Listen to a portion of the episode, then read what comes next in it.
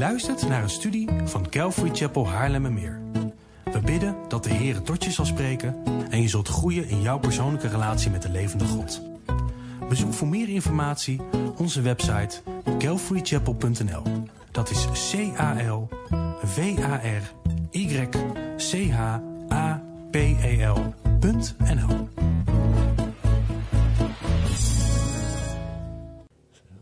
Goedemorgen iedereen. Degenen die mij niet kennen, kijken. Mijn naam is Mark Laporte.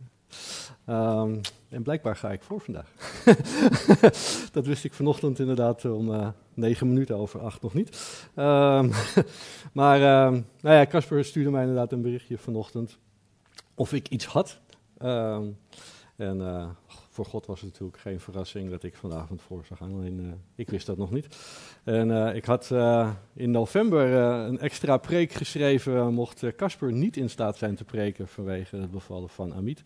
dus die lag netjes klaar op de plank. dus deze gaat vandaag aan de beurt komen dan. ik wil jullie vragen om jullie Bijbel te openen met één vinger in Spreuken hoofdstuk 18 maar hou ook een vinger in Jacobus hoofdstuk 3. Spreuken hoofdstuk 18, Jacobus hoofdstuk 3. Kijk, er is zelfs een slide, zeg. De vrucht van de tong. Daar gaan we het vandaag inderdaad over hebben. Um, allebei mijn, uh, mijn, onze jongens, die, uh, die zitten op judo. En uh, dat is bij ons ongeveer aan de overkant van de straat. En, uh, twee minuutjes lopen en dan zijn ze bij het lokale buurthuis. En dan uh, kunnen ze daar lekker één keer per week lekker ravotten, lekker judoën, zeg maar. En um, wat wij meestal doen, omdat dat voor ons zo dichtbij is, is dat wij vaak dan thuis een judopak aandoen. En dan gewoon de schoenen aan, slippertjes in de hand, lopen we naar het buurthuis. Even de schoenen omruilen voor de slippertjes en ze zijn klaar om te gaan, zeg maar. En dat werkt eigenlijk prima. hij heeft natuurlijk de judo-leraar ook altijd hele goede regels slash eisen, zeg maar. Dat je met, een, uh, met korte nagels, uh, zeg maar, meedoet. Dat je met een schoon judopak aankomt. Hele normale, duidelijke regels.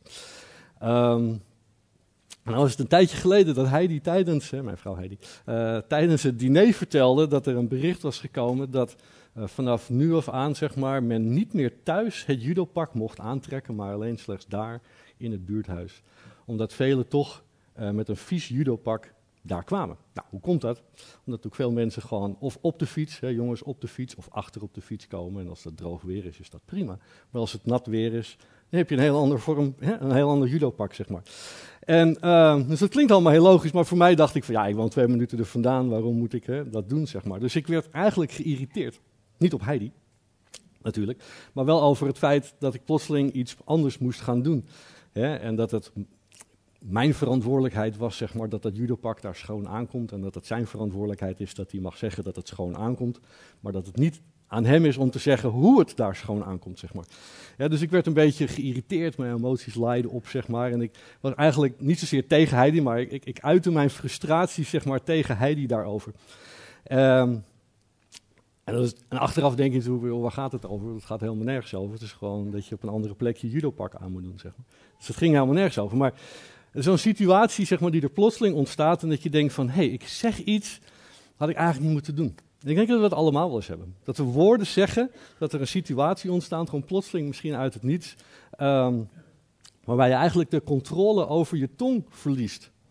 Ja, en dat je eigenlijk kwetsende woorden gaat zeggen. In dit geval was het niet kwetsende woorden tegen Heidi, maar eigenlijk kwetsende woorden tegenover de judo-leraar.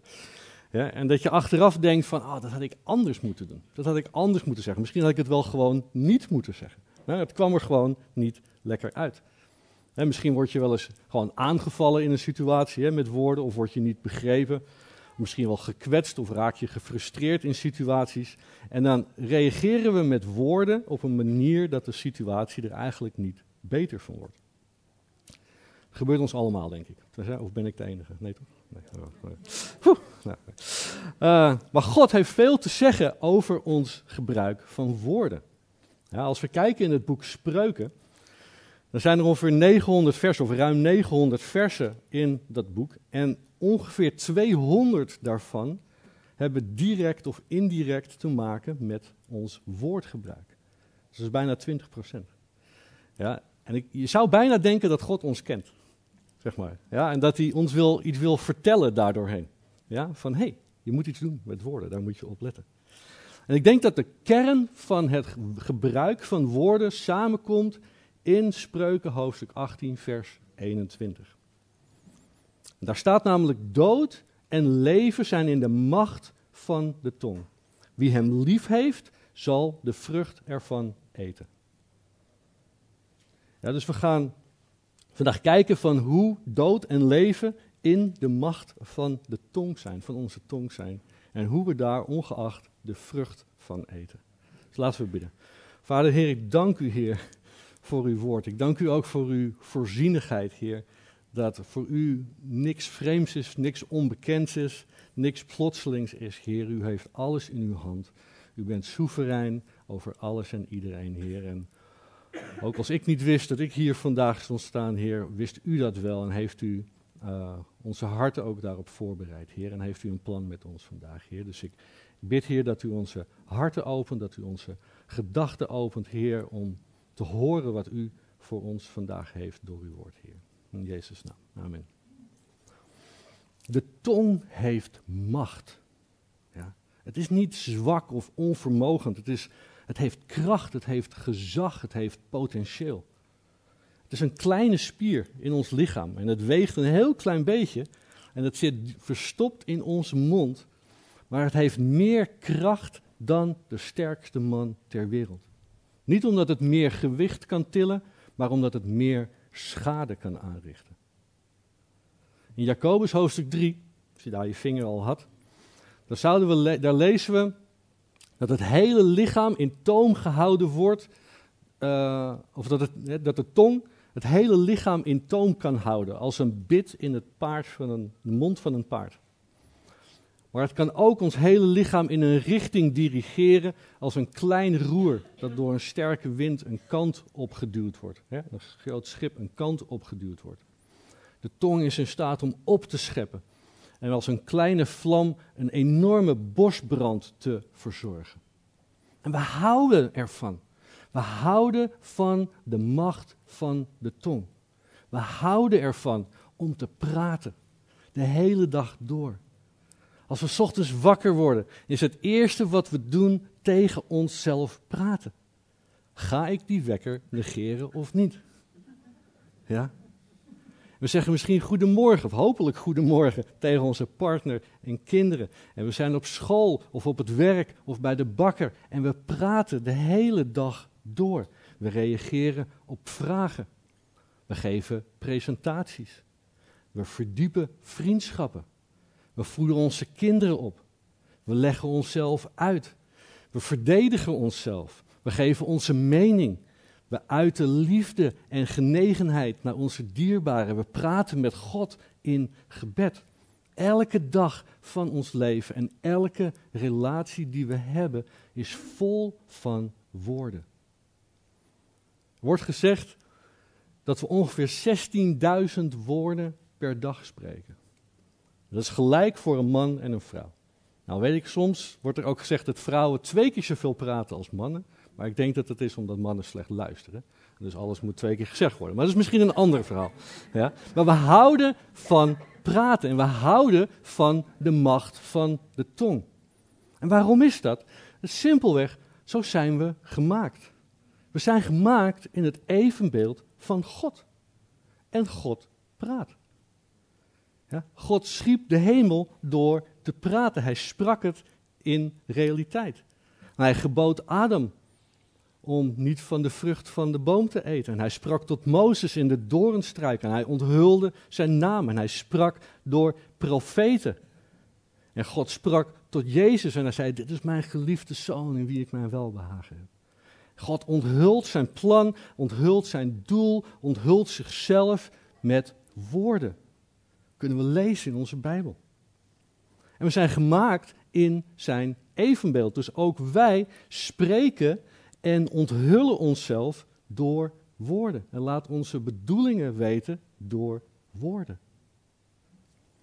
En als we helemaal teruggaan naar het begin, naar Genesis hoofdstuk 1, dan is er een wereld van communicatie dat een wereld is van vrede en van waarheid en van leven.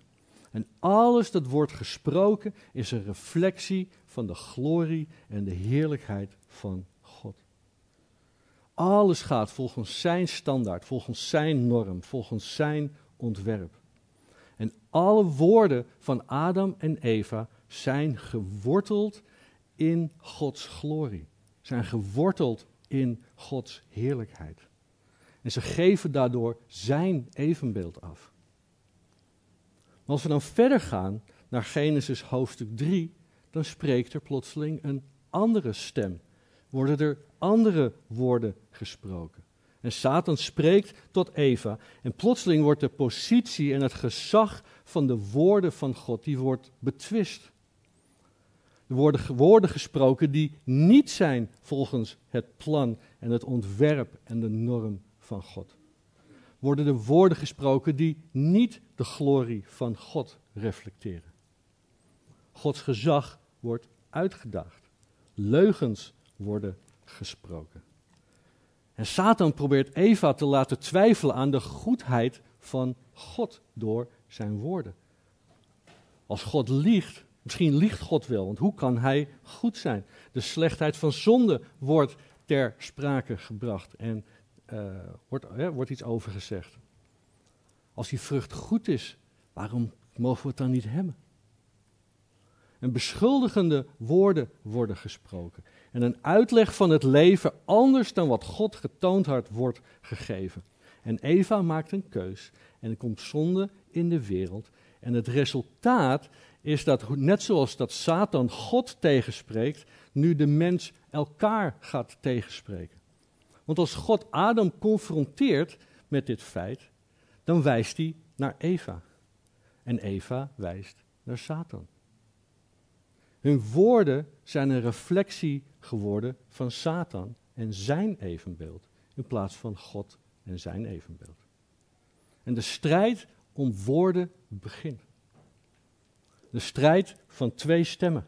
De stem van God en de stem van Satan. Lang geleden, want ik ben oud, lang geleden voetbalde ik, een klein jongetje. Uh, en als je aan het voetballen bent en je speelt op een zaterdagmiddag of zo een wedstrijd, dan staat er altijd staat je coach langs de zijkant. En als je allemaal van dat kleine spul bent, dan moet die coach heel veel zeggen. En meestal heel hard schreeuwen, want er wordt nul geluisterd, iedereen gaat gewoon ervoor. Ja, maar die coach die staat aan die zijkant en die probeert iets van richting te geven. Ja, die probeert te zorgen dat die kinderen luisteren naar zijn stem en zeggen van je moet naar voren gaan. Nee, niet dit, niet dat en zo, et cetera, et cetera. Nou, herkennen we wel. Maar vaak heb ik gemerkt met dat soort situaties is er ook altijd wel een vader die ook langs de lijn staat. En die denkt, ik weet het beter dan de coach. En die loopt ook te schreeuwen. Niet alleen naar zijn eigen kind, naar zijn eigen zoon, maar naar iedereen.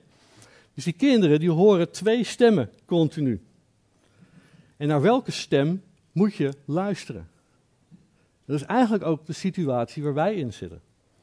We horen twee stemmen, maar naar welke stem moeten we luisteren? En voor die voetballetjes, voor die kleintjes is het belangrijk dat ze dus de stem van de coach leren te herkennen te midden van de strijd. En dat is voor ons niet anders. Dus dood en leven zijn in de macht van de tong. En wie hem lief heeft, zal de vrucht ervan eten. Er zijn twee richtingen: leven en dood. Maar welke richting we ook opgaan, welke keuze we ook maken, welke stem we ook naar luisteren, we plukken de vruchten ervan. Positief of negatief. Is het gegrond in Gods stem, dan is er leven, dan is er goede vrucht. En is het gegrond in Satans stem, dan is er dood en is er slechte vrucht.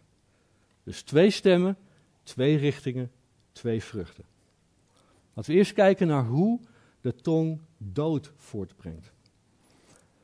Toen in Genesis 3, het probleem met de val van Adam en Eva, zijn we niet alleen, is niet alleen zonde de wereld ingekomen, maar is er ook, zijn we niet alleen ook de heerschappij van de aarde kwijtgeraakt, zeg maar op een groter platform, maar zijn we ook de heerschappij over onze tong kwijtgeraakt. En luisteren we nu bewust of onbewust naar de stem van Satan. Ja? al onze woorden, natuurlijk in de natuurlijke mens, zijn geworteld in Hem en reflecteren Zijn evenbeeld. Je je vinger nog hebt in Jacobus hoofdstuk 3, in vers 8, sorry, vers 6 en vers 8, daar staat dit. Onze tong is een, een vuur en het is een wereld van ongerechtigheid die onze lichaamsdelen in brand steekt. Want hij besmet het hele lichaam en zet onze levensloop vanaf het begin in vlam.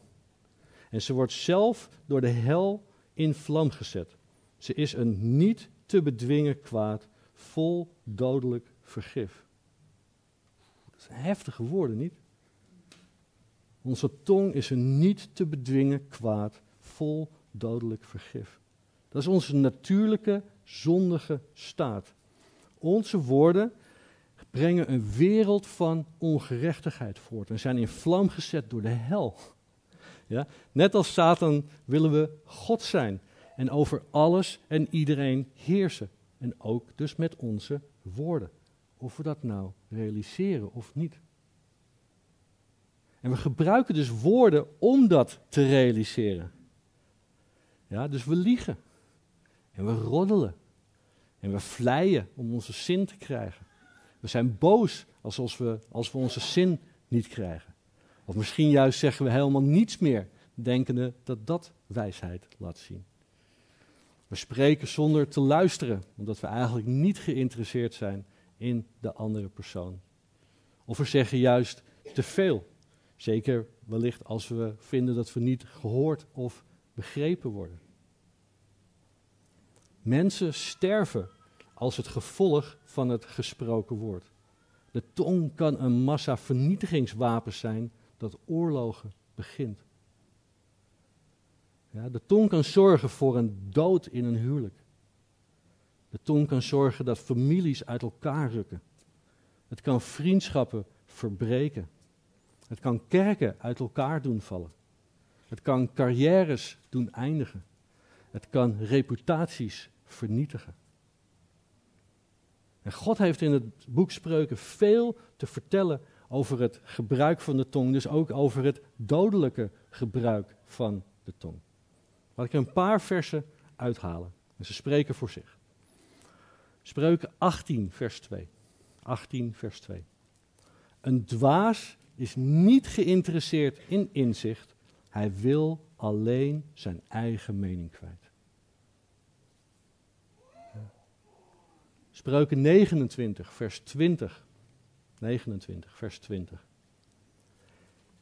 Heb je wel eens iemand gezien die altijd met zijn woorden klaar staat? Voor een dwaas is er meer hoop dan voor hem of haar. Spreuken 16, 28. 16, 28. Een vals karakter zaait voortdurend tweedracht. Een lasteraar drijft vrienden uit elkaar. Is het laatste voorbeeld, Spreuken 6, vers 16. Zes dingen haat de Heer. Zeven dingen zijn hem een gruwel. En van die zes of zeven dingen is er een valse tong, een valse getuige die leugens blaast en iemand die tussen broeders twisten teweeg brengt. Van alle dingen die God haat, zijn er al drie die over woorden gaan in dat vers. Lang geleden, ik denk tien jaar geleden of zo, toen uh, zat ik heel veel op Facebook. En ik vond het heerlijk om daar, ik probeerde Facebook, laat ik zo zeggen, te gebruiken voor goed, voor Gods woord. Altijd dingen over God erop te zetten. Uh, maar in dat erop zetten ging ik vaak ook gesprekken aan, gesprekken aan, discussies aan met mensen, hè, op commentaren reageren, et cetera, et cetera. En voor een lange tijd dacht ik van, ik doe daar goed aan, weet je. Ik ben Gods woord aan het brengen, ik ben de Bijbel, hè, ik ben hè, Gods woord aan het verdedigen, et cetera.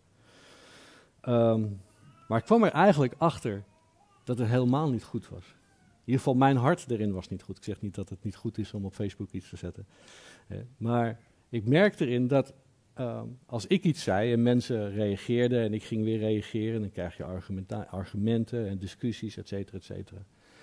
En je zet een bepaald beeld neer van jezelf. Want er zijn mensen die je kent, maar het zijn ook mensen die, die je niet kent die dat lezen. En je bent eigenlijk een getuige op dat moment. Niet alleen van de mensen die reageren, maar ook voor de mensen die niet reageren, maar het wel lezen. Ja, want het is een social media platform, dus heel veel mensen zien dat. En ik kwam erachter dat dus de pen en ook dus de digitale pen een heel machtig wapen is. En voor mij bracht het eigenlijk dood voort. De vrucht was gewoon dood. Want het had een effect op relaties met mensen die ik kende, die mijn posts lazen en een beeld van mij hadden, zeg maar. Bijvoorbeeld. Je hebt dus niet een discussie vaak met één persoon, maar met eigenlijk de hele wereld leest mee, zeg maar. Ja, moeten we ons van bewust zijn dat we op die manier getuigen. Dus voor mij was het iets van, oh, ik moet op een andere manier omgaan. Ik dacht dat ik iets goed aan het doen was, maar dat was niet zo. Ja, bracht dood voort. Maar hoe brengt de tong leven? Laten we daar naar kijken. Hoe kunnen we zorgen dat onze woorden leven voortbrengen in plaats van dood? En de eerste vraag is misschien: hebben we eigenlijk wel een keuze daarin? Kunnen we überhaupt kiezen of we onze woorden voor dood of voor leven voortbrengen? Hebben we daar een keuze in? En ik denk dat het antwoord nee is. Als we teruggaan naar Jacobus hoofdstuk 3. We hadden net vers 6 en 8 gelezen, maar daartussenin zit vers 7. En vers 7 en een stukje van vers 8 zegt dit. Want elke natuur zowel van wilde dieren en vogels als van kruipende dieren en zeedieren, wordt getemd en is getemd door de menselijke natuur. Maar de tong kan geen mens temmen. De tong kan geen mens temmen. We zijn allemaal wel eens naar een circus geweest of naar het dolfinarium geweest. En dan zien we hoe dieren getemd kunnen worden. Ja, we zijn vaak verbaasd over wat mogelijk is. Ja, ik bedoel, probeer erover na te denken. Hoeveel tijd en energie moet iemand stoppen in het temmen van een leeuw, zodat iemand zijn hoofd in de bek van die leeuw kan proppen? En dat die leeuw dan niet denkt, ha, lunch. Ik weet niet hoe ze empirisch dat uitvinden, maar goed. Maar, maar het, het, kan blijkbaar, het kan blijkbaar. We weten dat dieren getemd kunnen worden. En in, in zo'n geval is dat een enorm spectaculair en sensationeel iets. Ja? En de mens, niet alleen de dier, we kunnen niet alleen de dieren temmen, maar we, we kunnen ook in, tot op zekere hoogte onszelf temmen. Ja, de mens is tot enorm veel in staat en heeft een enorme capaciteit tot opoffering en zelfbeheersing. Ja, zeker het is januari, dus ik ga ervan uit dat alle fitnessruimtes weer helemaal overladen zijn met goede voornemens. En waar, waar we proberen ons fysieke lichaam te temmen. Ja, of we proberen onze, onze mond te temmen om uh, geen suiker meer te eten, bijvoorbeeld. Ja, dat soort dingen. We kunnen zelfs ook extremer nagaan. Ik las, uh, las, ik keek een tijdje geleden naar een documentaire over uh, iemand die alle veertien bergen boven de 8 kilometer grens uh, in de buurt van de Mount Everest en zo uh, ging beklimmen. Dan moet je al überhaupt denken dat je zeg maar ongeveer op die hoogte, op dezelfde hoogte bent als een 747 vlieghoogte. En dat je lichaam letterlijk aan het afsterven is op dat soort hoogtes en dat soort situaties. Maar die documentaire liet zien dat er tot op dat moment, zeg maar, maar één persoon is geweest die al die veertien bergen heeft beklommen. En dat was in de jaren 70 en 80 geweest. Die ene persoon heeft er 16 jaar over gedaan om dat te doen. Oké. Deze documentaire ging over een Nepalese man. Die in 2019 het voornemen had om dat te doen in zeven maanden. En dat is hem uiteindelijk in de documentaire, laten zien, is het hem gelukt in iets meer dan zes maanden oh, fantastisch. En ik zat daar na die documentaire, zat ik even een beetje te kijken en op te zoeken over die man, et cetera, et cetera. En om maar aan te geven dat we altijd weer een stap verder kunnen, is vorig jaar heeft iemand, een vrouw, uh, is het gelukt om datzelfde te doen in 92 dagen. Ja, dus de mens heeft een enorme capaciteit tot, tot opoffering en iets willen. En iets temmen, ja? de bergen in dit geval. Maar geen mens kan de tong temmen. En begrijp me niet verkeerd, we proberen het wel. Ik probeer het ook, om mijn tong te temmen. En soms gaat dat goed voor een tijdje. En zijn we krampachtig bezig onszelf in te houden en beloven we niks te zeggen. Maar temmen? Nee. Geen mens kan de tong temmen. Het is een niet te bedwingen kwaad door de hel in vlam gezet. Dus wat doen we? We kijken naar Jezus. Ja. We kijken naar Jezus. Jezus dood aan het kruis is het enige wat dit rusteloze kwaad kan uitroelen, uitroeien en dat helle vuur van onze tong kan blussen. En dat is niet alleen dat Jezus uh, mishandeld werd, maar er staat ook uh, dat hij zich niet verzette en hij deed zijn mond niet open.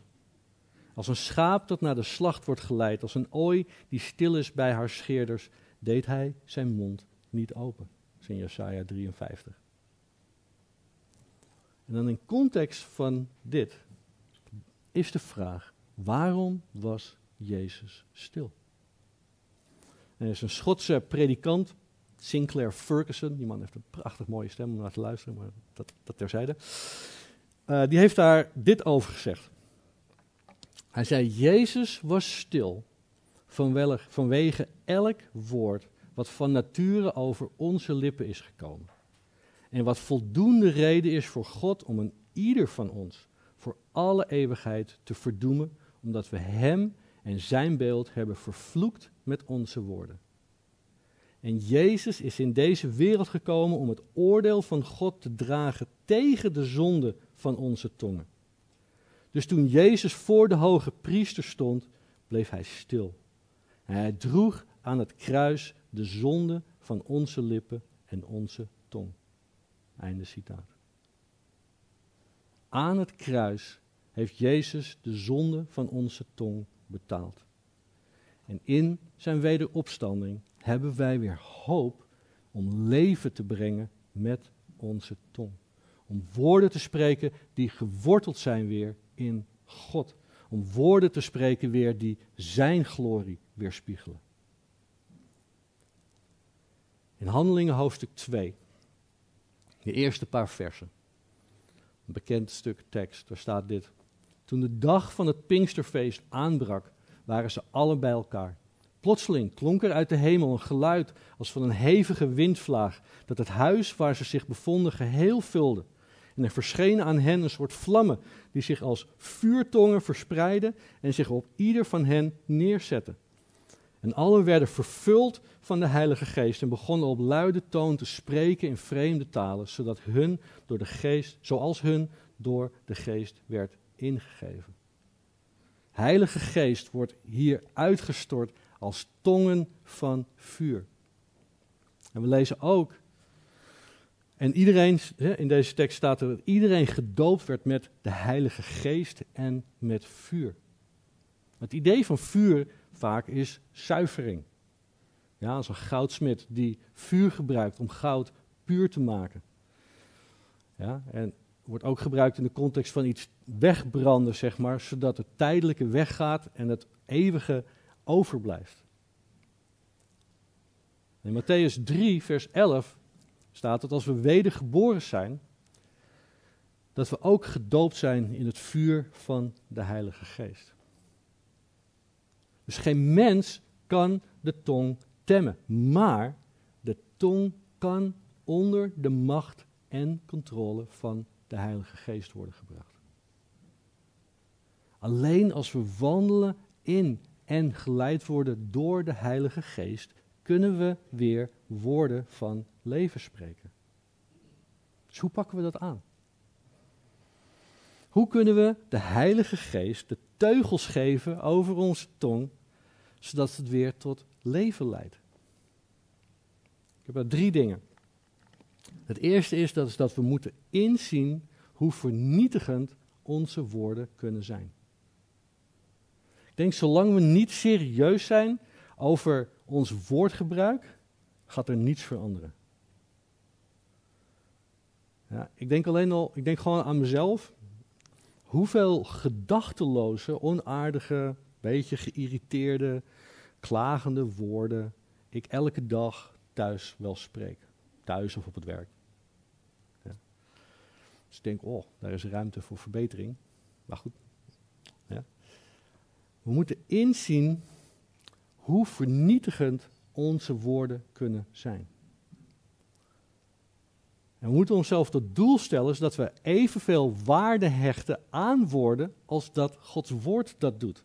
Als dat God dat doet. In Matthäus 12, vers 36 kunnen we lezen dat we uiteindelijk rekenschap zullen afleggen voor elk nutteloos gesproken woord. Maar dit kunnen we niet zelf. Ja, we kunnen misschien voor een tijdje krampachtig, ja, met witte knokkeltjes proberen om onze tong zelf te temmen, maar dat gaat niet lukken. Het is simpelweg een werk van de Heilige Geest in ons. Ja. Hij is het die ons moet overtuigen van de zonde in ons leven als het gaat om de tong. Hij is het die onze gezindheid moet veranderen en moet vernieuwen daarover. Hij is het die onze gedachten over hoe we woorden gebruiken moeten veranderen. Hij is het die ons op een andere manier moet leren nadenken over het gebruik van onze woorden.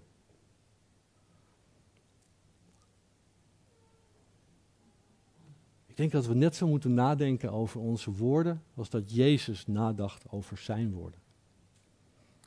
In Johannes 12, vers 49 en 50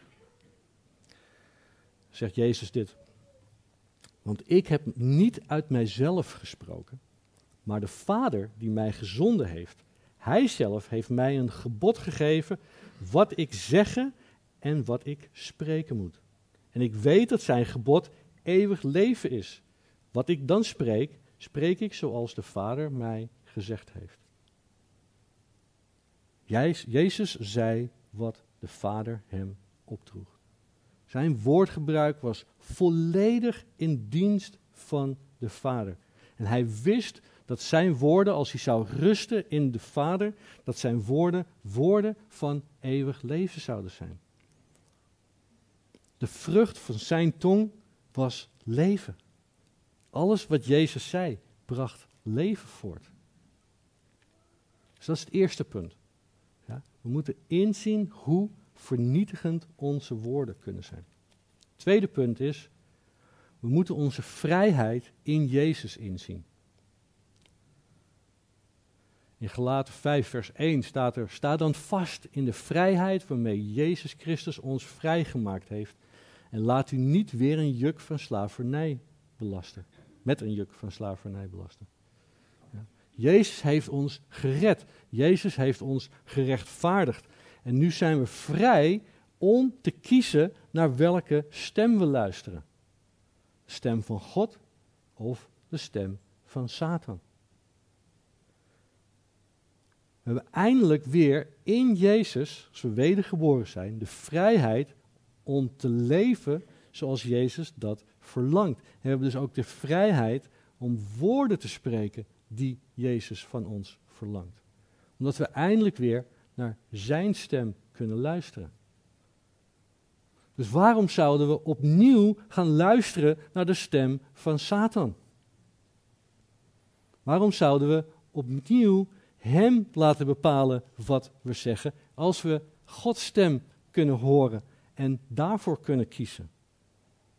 Dus dit vers in dit, deze context zegt dat we onze vrijheid daarin niet moeten misbruiken. Als we ons door de geest laten leiden, door de vrucht van de geest. En de vrucht van de geest zijn woorden van leven.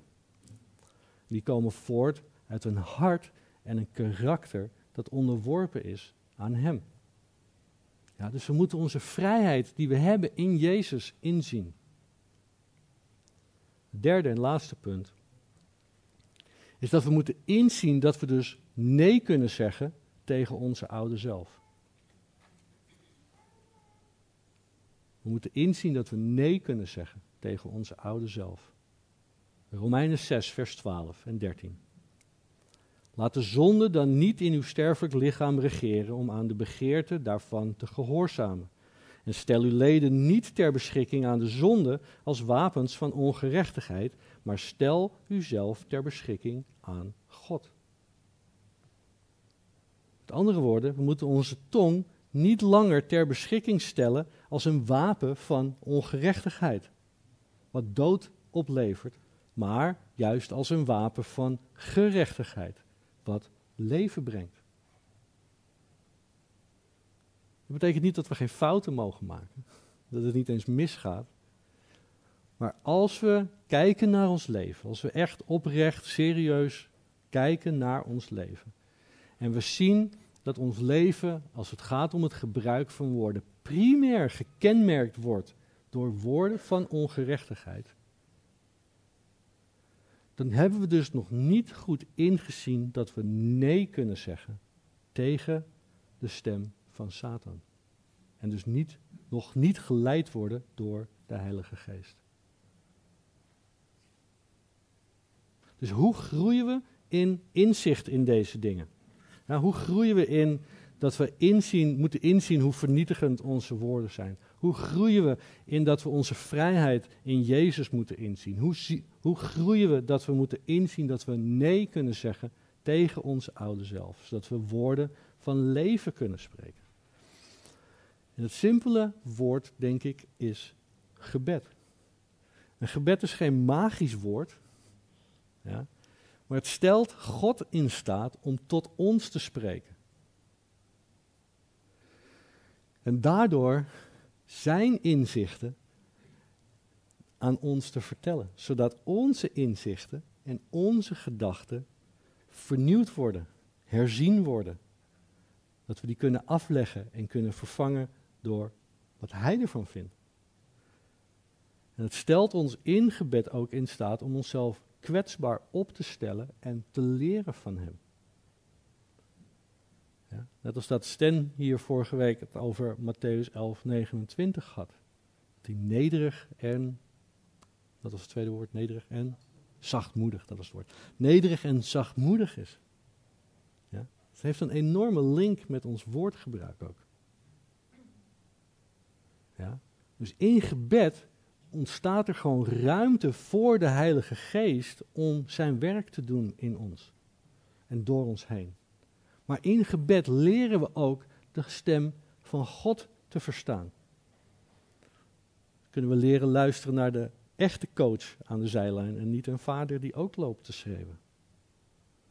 En kunnen we ook leren te vertrouwen op zijn stem. Zodat we net als Jezus weten wanneer we iets moeten zeggen of wat we moeten zeggen, of of we überhaupt iets moeten zeggen. Als onze tong onder de macht van de Heilige Geest staat, geeft het leven en brengt het goede vrucht voort.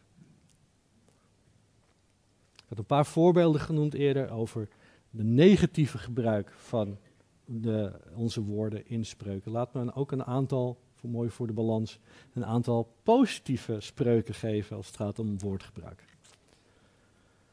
Spreuken 15, vers 1 begint met deze woorden. Een zacht antwoord keert woede af. Spreuken 15, vers 1. Een zacht antwoord keert woede af. Spreuken 25, vers 11. 25, vers 11. Het juiste woord op de juiste tijd is als een gouden appel op een zilveren schaal. Spreuken 12, 25. 12, 25. Bezorgdheid in iemands hart drukt het te neer, maar een goed woord verblijdt het. En als laatste spreuken 1523. 1523. Een mens vindt vreugde in een goed gekozen antwoord. De juiste woorden op de juiste tijd. Hoe voortreffelijk is dat? Ja, dus woorden van leven brengen goede vrucht voort. Want het betekent dat we luisteren naar de stem van Jezus in ons leven en ons laten leiden door de geest. In Lucas 6, vers 45 staat er: Waar het hart vol van is, daar loopt de mond van over. Bekende uitspraak. Dus ik zou zeggen, in context hiervan, dat een kritisch hart produceert een kritische tong. Een zelfingenomen hart produceert een veroordelende tong. Een bitter hart produceert een bijtende tong. Een ondankbaar hart produceert een mopperende tong. Maar een liefdevol hart produceert een genadige tong. Een trouw hart produceert een eerlijke tong. Een vreedzaam hart produceert een verzoenende tong. Een vertrouwend hart produceert een bemoedigende tong. Dus waar loopt ons hart van over? En waar loopt, hè, waar loopt de mond van over? En waar is ons hart vol van? In Handelingen 4 heb je een heel mooi verhaal van Petrus en Johannes, die vervuld met de Heilige Geest voor de leiders van het volk staan en vrijmoedig praten over Jezus. En na afloop zijn die leiders die zijn zo verbaasd dat deze gewone mannen, deze ongeletterde mannen, zo vrijmoedig kunnen spreken. En hun conclusie is, of de conclusie is, is dat ze samen zijn geweest met Jezus. Misschien kennen we het verhaal. Nou, ik weet niet of je wel eens in een lift gestaan hebt, ongetwijfeld wel eens in een lift gestaan.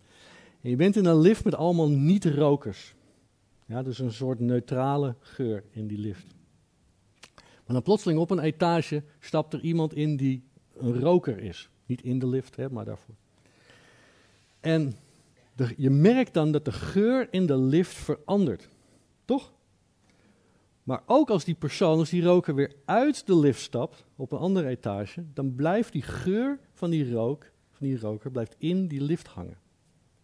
Denk ik. Toch? Oké. Dus dit is mijn bemoediging voor ons voor vandaag. Laat dit de vrucht van onze tong zijn. Dat onze tong zo getemd is door de Heilige Geest, dat Gods woorden zo rijkelijk uit ons vloeien, dat we met geen andere geur kunnen spreken en dat als we een ruimte verlaten, dat mensen zich afvragen, waar kwam die persoon vandaan? En dat ze dan concluderen dat dit iemand geweest moet zijn die samen met Jezus is geweest. Laten we bidden. Vader, ik dank u, Heer, voor uw woord. Heer, ik dank u dat u heeft gesproken, Heer. Dat u zichzelf kenbaar heeft gemaakt. Dat u zichzelf heeft geopenbaard, Heer. In uw woord. En dat u sprak en dat we er zijn. Heer, dat de wereld er is, dat wij er zijn. Ik ben daar zo dankbaar voor. Ik ben zo dankbaar dat we, net als u, en dat we in uw evenbeeld gemaakt zijn, Heer, en dat we mogen spreken net als u. Maar ik bid, Heer, dat we mogen spreken vanuit uw perspectief, Vader. Heer, zo dankbaar voor Jezus aan het kruis die voor ons gestorven is, voor de zonde van onze tong, voor elk woord wat we gesproken hebben tegen u, Heer. Dat niet uw evenbeeld reflecteerde, Heer. Dat niet uw glorie en heerlijkheid reflecteerde zoals u dat van ons verwacht had, Heer. Heer, ik bid dat u ons leert om te, te rusten en te vertrouwen op Jezus aan het kruis als het gaat om ons woordgebruik, Vader. Dat we weer opnieuw mogen leren om naar uw stem te luisteren, zodat onze woorden geworteld mogen zijn in u, Heer. Heer, help ons om dat niet uit eigen kracht te willen doen, Vader maar in uw kracht, onder uw leiding, op uw tijd, Heer, op uw manier. Heer, help ons om woorden van leven te spreken. Heer, of dat nu is, misschien wel zelfs als we tegen onszelf praten, maar zeker als we echt woorden over de tong komen, Heer, tegen, partner, onze partner of kinderen of collega's of waar we dan ook zijn, hier tegen elkaar, ook in de gemeente, Heer. Dat we mogen nadenken over onze woorden. Dat we bewust mogen zijn, Heer, en, echt mogen leunen tegen U, Heer, tegen de Heilige Geest, om ons te vertellen van, moet ik dit zeggen? Heer, zijn dit gedachten van U die ik uit moet spreken, Vader? Heer, help ons daarin. Kom ons daarin tegemoet, Heer. Dat we leven mogen brengen, Heer. Want we hebben leven nodig. Niet alleen in ons eigen leven hebben we leven nodig, Heer. Maar we hebben het ook nodig dat we woorden van leven spreken tegen anderen. Heer, voornamelijk ook tegen mensen die u niet kennen. Heer, ik bid ook als we, zoals Kasper vanochtend zei, Heer, mogen nadenken over evangelisatie, et cetera, in, in Badhoevedorp, Heer, dan bid ik ook daarvoor, Heer, help ons om woorden van leven te spreken, Heer. Gewoon in de alledaagse dingen. Gewoon op de mensen, met de mensen die we tegenkomen in de, de dingen van de dag, Vader. Heer, ik bid dat we in een lift een liefelijke geur, een prachtig aroma van U mogen achterlaten in ons woordgebruik, Vader. Maar kom ons daarin tegemoet, Heer. Help ons inzien, Heer, dat, er, dat we het van U mogen verwachten en niet van onszelf. Ik bid dat in Jezus' naam. Amen.